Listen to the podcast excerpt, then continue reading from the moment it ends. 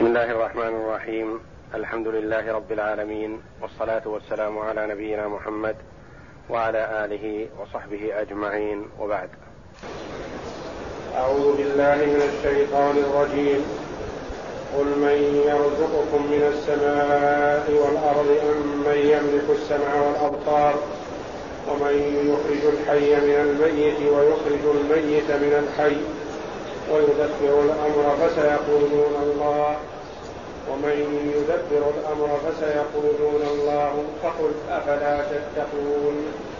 فذلكم الله ربكم الحق. فماذا بعد الحق إلا الضلال فانى تصرفون كذلك حقت كلمة ربك على الذين فسقوا أنهم لا يؤمنون.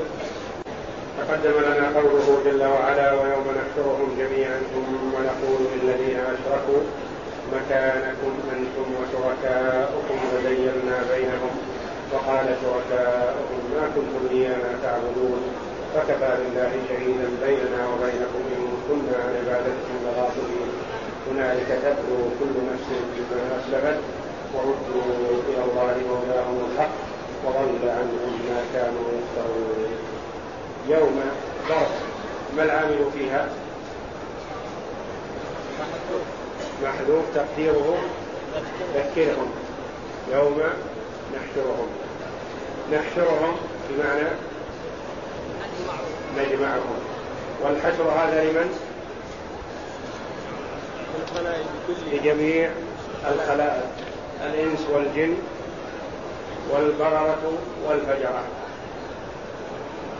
ثم نقول للذين أشركوا مكانكم. معنى مكانكم؟ إلزموا مكانكم. أنتم وشركاؤكم. المراد بهؤلاء الشركاء من هم؟ ما كانوا يعبدونهم من دون الله. فزينا بينهم. زينا بمعنى فرقنا بينهم. تفريقا. حسيا ومعنويا. وقال شركاؤهم ما كنتم إيانا تعبدون. هذا القول من الشركاء. جواب لمن؟ حينما قال المشركون هؤلاء شركاؤنا الذين كنا ندعو من دونك. فردوا عليهم بقولهم ما كنتم إيانا تعبدون. أليسوا يعبدونهم؟ كانوا يعبدونهم لكن لم يكن عن علم ولا عن أمر من هؤلاء المعبودين من دون الله. فكفى بالله شهيدا بيننا وبينكم. محلها من الإعراب شهيدا. تمييز أو حال. شهيدا بيننا وبينكم إن كنا عن عبادتكم لغافلين. إن هنا نافية عن مخففة من الثقيلة؟ مخففة من الثقيلة. وما العلامة الدالة على أنها مؤكدة؟ إن كنا عن عبادتكم لغافلين. اللام في قوله لغافلين دليل التأكيد. هنالك هنالك تبلو كل نفس. هذا ظرف ظرف زمان أو مكان. أي في ذلك الموقف أو في ذلك الوقت. تبلو كل نفس ما أسلفت. تبلو بمعنى تختبر يعني يظهر لها أثر عملها من خير أو شر. هناك قراءة أخرى تتلو. ومعنى تتلو يعني تقرأ أو أو تتبع. ما أسلفت ما قدمت وعملته وردوا إلى الله مولاهم الحق. محل الحق من الإعراب. بدل أو صفة. إلى الله مولاهم الحق وضل عنهم ما كانوا يفترون. ضل بمعنى غاب وذهب ما كانوا يفترون يفترون يعني يزعمونه. يزعمون أنها تنفع. غابت عنهم وبطلت ولم يكن لها أي أثر. يقول الله جل وعلا قل من يرزقكم من السماء والأرض أم من يملك السمع والأبصار ومن يخرج الحي من الميت ويخرج الميت من الحي ومن يدبر الأمر فسيقولون الله فقل أفلا تتقون. في هذه الآيات يقرر الله جل وعلا المشركين بإقرارهم بوحدانية الله في ربوبيته والمشركون معترفون بوحدانية الله في ربوبيته ومقرون بذلك. ومنكرون ماذا؟ منكرون وحدانية الله في ألوهيته. فالله جل وعلا يسألهم عما أقروا به. قل من يرزقكم من السماء والأرض. قل يا محمد لهؤلاء المشركين الذين أنكروا إفراد الله بالعباده من يرزقكم من السماء والأرض؟ قطعا سيجيبون بأن الله جل وعلا هو الذي يرزقهم لا غيره لأنهم مقرون بتوحيد الربوبية. وإقرارهم بتوحيد الربوبية يلزمهم لو كانوا يعلمون بتوحيد الألوهية. هل يليق بالعاقل الذي يعرف أن الله هو الخالق وهو الرازق هو الذي خلقك ورزقك وأحياك؟ هل يليق أن تصرف العبادة لغيره؟ فالله جل وعلا يقررهم بتوحيد الربوبية مستدلا بأحقيته وحده لا شريك له بتوحيد الألوهية.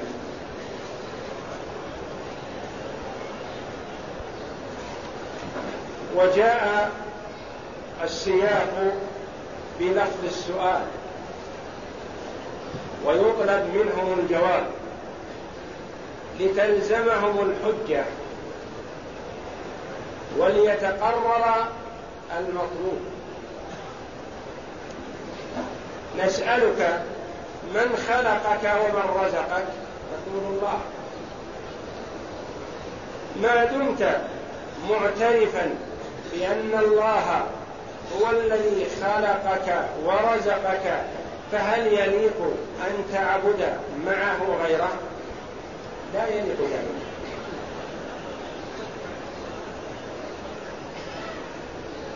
قل من يرزقكم من السماء والأرض. الرزق الحاصل من السماء ما هو؟ المطر. والرزق الحاصل من الأرض النبات.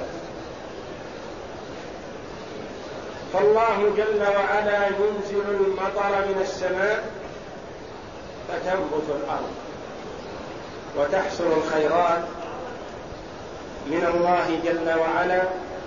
بالرزق الذي ساقه من السماء والأرض. سؤال آخر.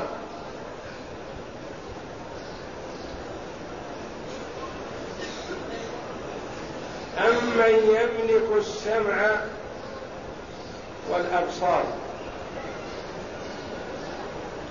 من الذي يهب السمع؟ وجعله فيك أيها المخلوق. ومن ومن الذي خلق فيك البصر؟ وهما آيتان دالتان على عظمة الله جل وعلا وعلى إتقان الصنعة.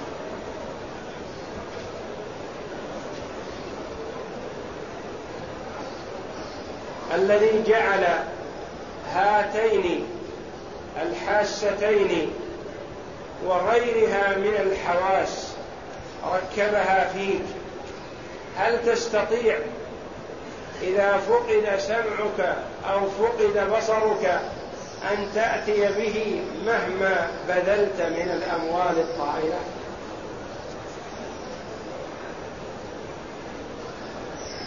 من الذي أعطاك هاتين الحاستين الدقيقتين العظيمتي النفع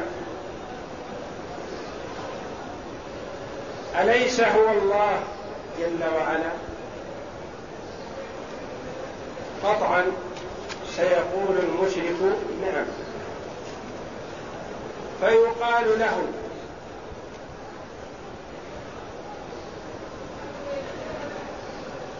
أفرد من خلقك وأعطاك الحواس للعباده ولا تعبد معه غيره. من لا يملك أن ينفعك بشيء كما لا يملك أن يضرك بشيء. امن يملك السمع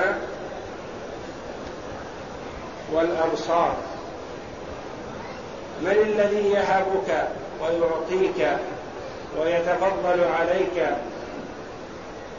بهذا الخلق الدقيق وهذه الفوائد العظيمة التي تدركها بسمعك وتدركها ببصرك. أليس هو الله؟ قطعا سيقول نعم. أليس هو المستحق للعبادة وحده دون سواه؟ هذه يتوقف فيها المشرك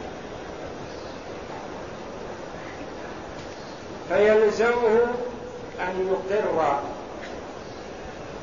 بالألوهية كما أقر بالربوبيه لو كان منصفا لو كان عاقلا مدركا.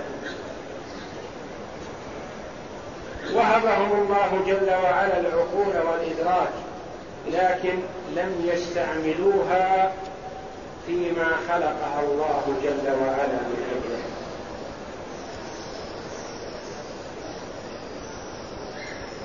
ومن يخرج الحي من الميت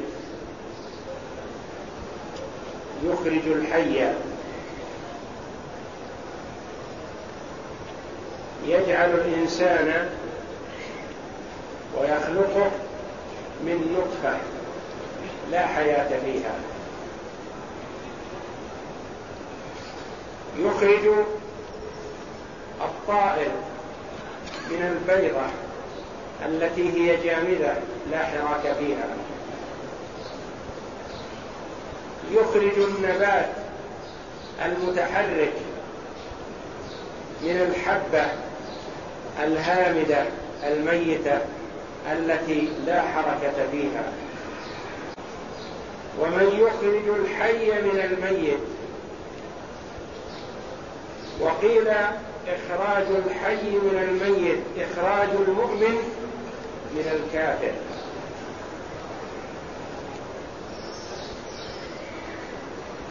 ويخرج الميت من الحي. يخرج الميت. من الحي يخرج النطفة من الإنسان. الإنسان حي والنطفة ميتة.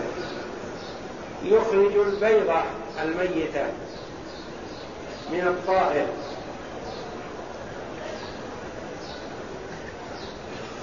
أو يخرج الكافر من المؤمن.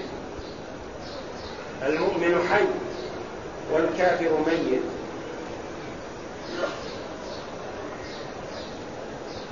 من هو الذي يفعل هذه الأشياء؟ هو الله جل وعلا والمشركون معترفون بذلك. ومن يدبر الأمر؟ من يدبر أمر الخلائق؟ يعم جميع ما تقدم. قال المفسر رحمه الله من عطف العام على الخاص. تلك أفعال خاصة ثلاثة. من يرزقكم من السماء والأرض. أمن يملك السمع والأبصار. ومن يخرج الحي من الميت ويخرج الميت من الحي. ومن يدبر الأمر أمر الخلائق. كيف شاء وعلى ما أراد جل وعلا. من خلق ورزق وإحياء وإماتة وصحة ومرض وحياة وموت. وسائر أمر العالم من الذي يدبره؟ قطعا سيقول الكافر هو الله جل وعلا. فهذه حجج ساقها الله جل وعلا على المشركين لاعترافهم بما دلت عليه من قدرة الخلق والرزق والإحياء والإماتة والتصرف في الكون. وإعطاء السمع والبصر والرزق وغير ذلك من معطياته جل وعلا. وهذا مما يعترف به المشركون فإذا اعترفوا بذلك وجب عليهم قطعا أن يفردوا الله جل وعلا بالعبادة. الله جل وعلا أمر عبده ورسوله محمدا صلى الله عليه وسلم بأن يسأل المشركين والكفار عن هذه الأمور. وأخبر جل وعلا بأنهم سيقولون الله. سيقولون الله. فالاسم الكريم الاسم الكريم مرفوع. محله خبر لمبتدأ محذوف تقديره هو الله. أو تقدير أو هو مبتدأ وخبره محذوف تقديره الله الذي يفعل هذه الأشياء. أو الله يفعل هذه الأشياء. فسيقولون سيردون على هذه الأسئلة بأن الله هو الخالق جل وعلا. فسيقولون الله. فقل قل لهم أفلا تتقون؟ ما دمتم معترفون بذلك؟ أفلا تتقون الله وتفردونه بالعباده لأن من يفعل هذه الأفعال ويتصرف هذا التصرف أهل لأن يتقى ويعبد وحده لا شريك له. وفي هذا نذارة لهم وتخويف. فاتقوا من رزقكم. لا يقطع الرزق عنكم. اتقوا من وهبكم السمع والبصر. لا يسلبكم إياها. اتقوا من يحيي ويميت قبل أن يميتكم. اتقوا من له التصرف الكامل المطلق. ومن يدبر الأمر. أفلا تتقون الله؟ أفلا تخافون؟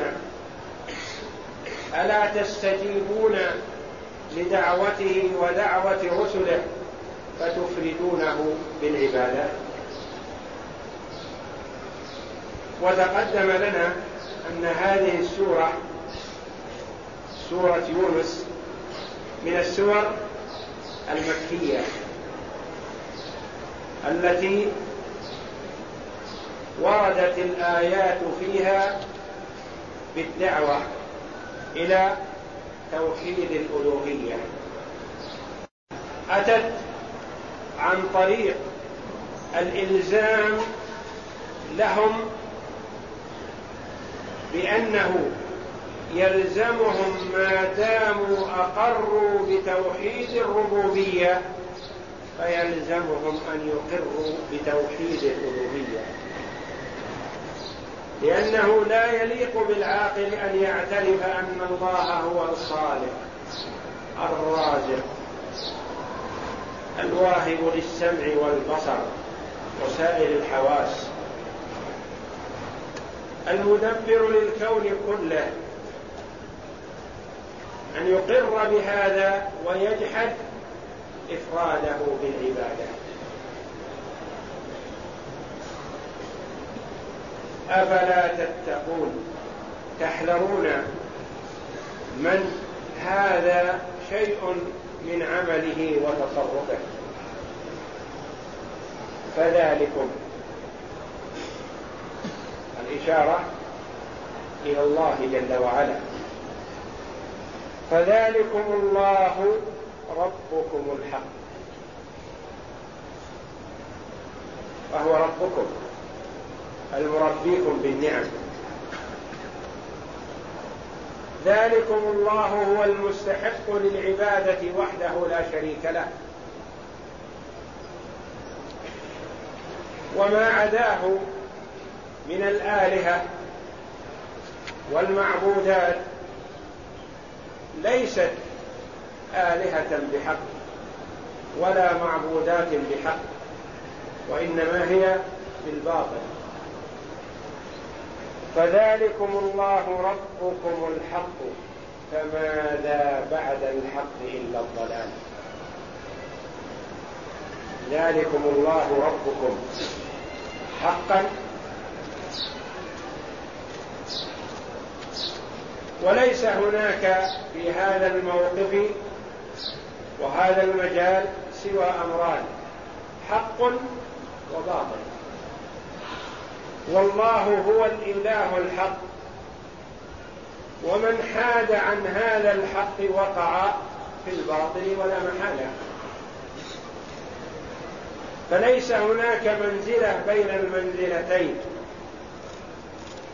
في جانب عبادة الله جل وعلا. توحيد لله وإخلاص له بالعبادة والإعراض عن كل ما سوى ذلك الحق.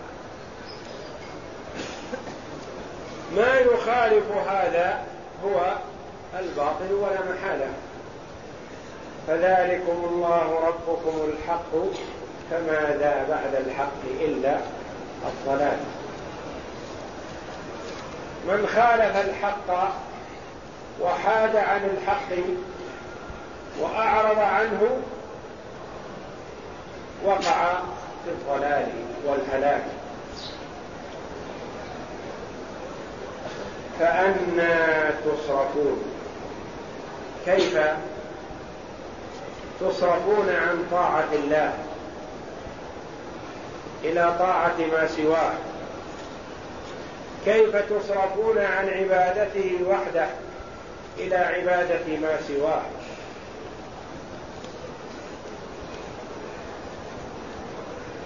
عرفتم إنعامه عليكم.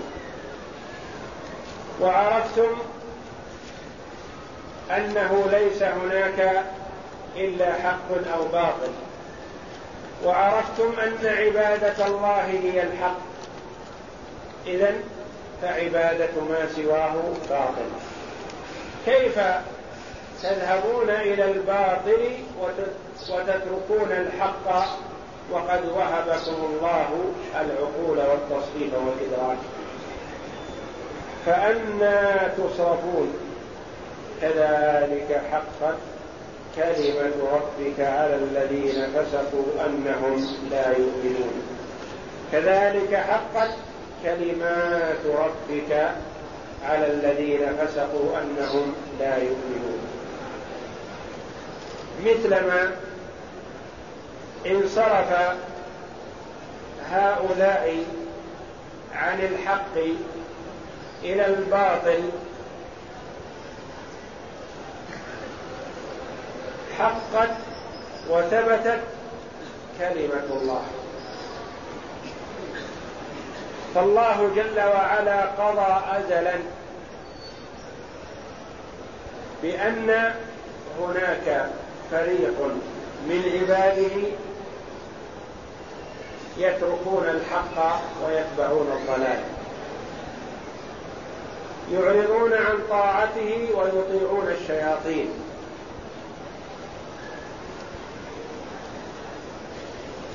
كتب الله عليهم الشقاوة ازلا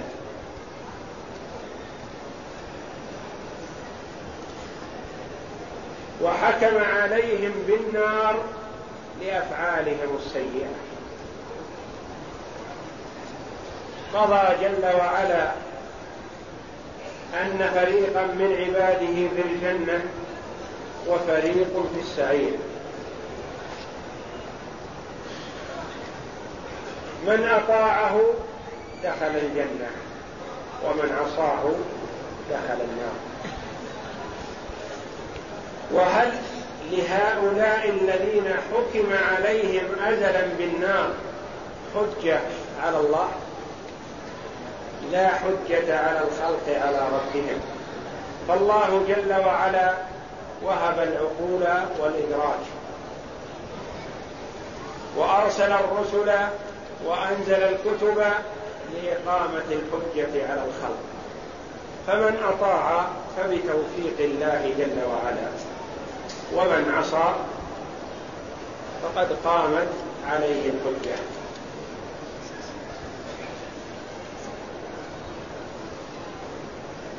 كذلك حقت كلمة ربك على الذين فسقوا.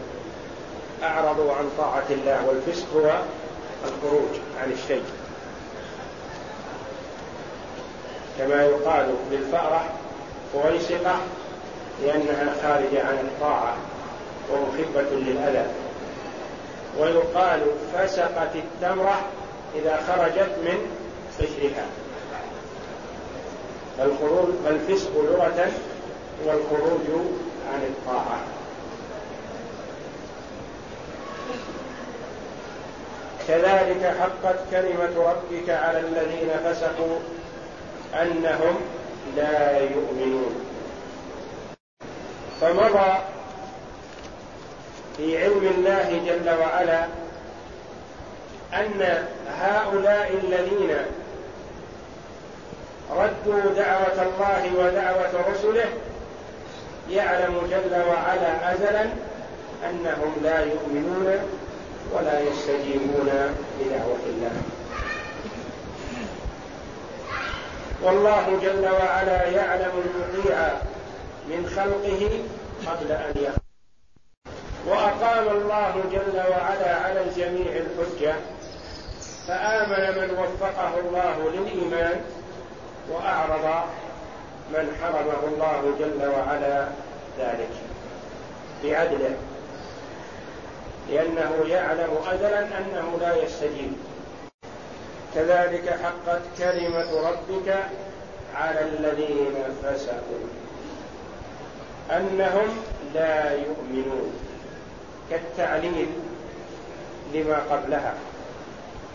حقت كلمة ربك على الذين فسقوا حقت عليهم لأنه جل وعلا يعلم أنهم لا يؤمنون مت مت لا يؤمنون مهما أوتوا من الدلالات والآيات الدالة على استحقاق الله جل وعلا بالعبادة. ففي هذه الآيات وفيما بعدها إن شاء الله كل هذا تقرير لما أقر به المشركون من توحيد الربوبية وإلزام لهم بأن إقرارهم بتوحيد الربوبية يلزم منه الإقرار بتوحيد الألوهية. أعوذ بالله من الشيطان الرجيم. قل من يرزقكم من السماء والأرض أم من السمع والأبصار ومن يخرج الحي من الميت ويخرج الميت من الحي ومن يدبر الأمر فسيقولون الله قل أفلا تتقون؟ فذلكم الله ربكم الحق فماذا بعد الحق إلا الضلال؟ فأنا تصرفون؟ كذلك حقت كلمة ربك على الذين فسقوا أنهم لا يؤمنون. قال العماد بن كثير رحمه الله تعالى يحتج تعالى على المشركين باعترافهم بوحدانيته وربوبيته على وحدانية إلهيته. فقال تعالى قل من يرزقكم من السماء والأرض أي من ذا الذي ينزل من السماء ماء المطر فيشق الأرض شقا بقدرته ومشيئته فيخرج منها حبا وعنبا وقضبا وزيتونا ونخلا وحدائق غلبا وفاكهة وأبا. أإله مع الله فسيقولون الله أمن هذا الذي يرزقكم إن أمسك رزقه؟ وقوله أمن يملك السمع والأبصار أي الذي وهبكم هذه القوة السامعة والقوة الباصرة ولو شاء لذهب بها ولسلبكم إياها كقوله تعالى قل هو الذي أنشأكم وجعل لكم السمع والأبصار الآية وقال قل أرأيتم إن أخذ الله سمعكم وأبصاركم الآية وقوله ومن يخرج الحي من الميت ويخرج الميت من الحي أي بقدرته العظيمة ومنته العليمة وقد تقدم ذكر الخلاف في ذلك وأن الآية عامة لذلك كله وقوله ومن يدبر الأمر أي من بيده ملكوت كل شيء وهو يجير ولا يجار عليه وهو المتصرف الحاكم الذي لا معقب لحكمه ولا يسأل عما يفعل وهم يسألون. يسأله من في السماوات والأرض كل يوم هو في شأن فالملك كله العلوي والسفلي وما فيهما من ملائكة وإنس وجان فقيرون إليه عبيد له خاضعون لديه فسيقولون الله وهم يعلمون ذلك ويعترفون به فقل أفلا تتقون؟ أي أفلا تخافون منه أن تعبدوا معه غيره؟ بآرائكم وجهلكم وقوله فذلكم الله ربكم الحق.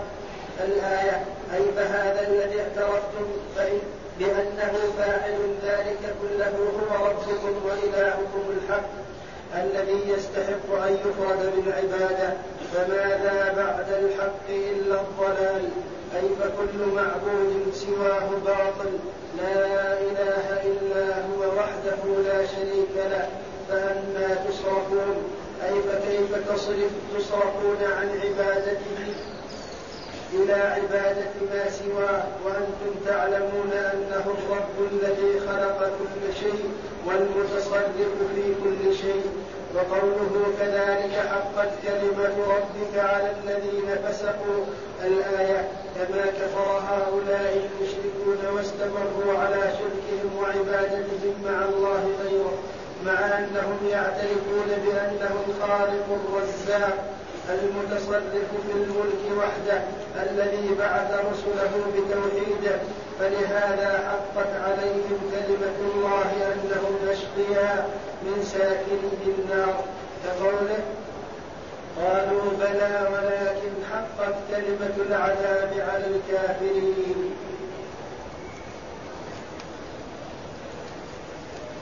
والله أعلم وصلى الله وسلم وبارك على عبده ورسول نبينا محمد وعلى آله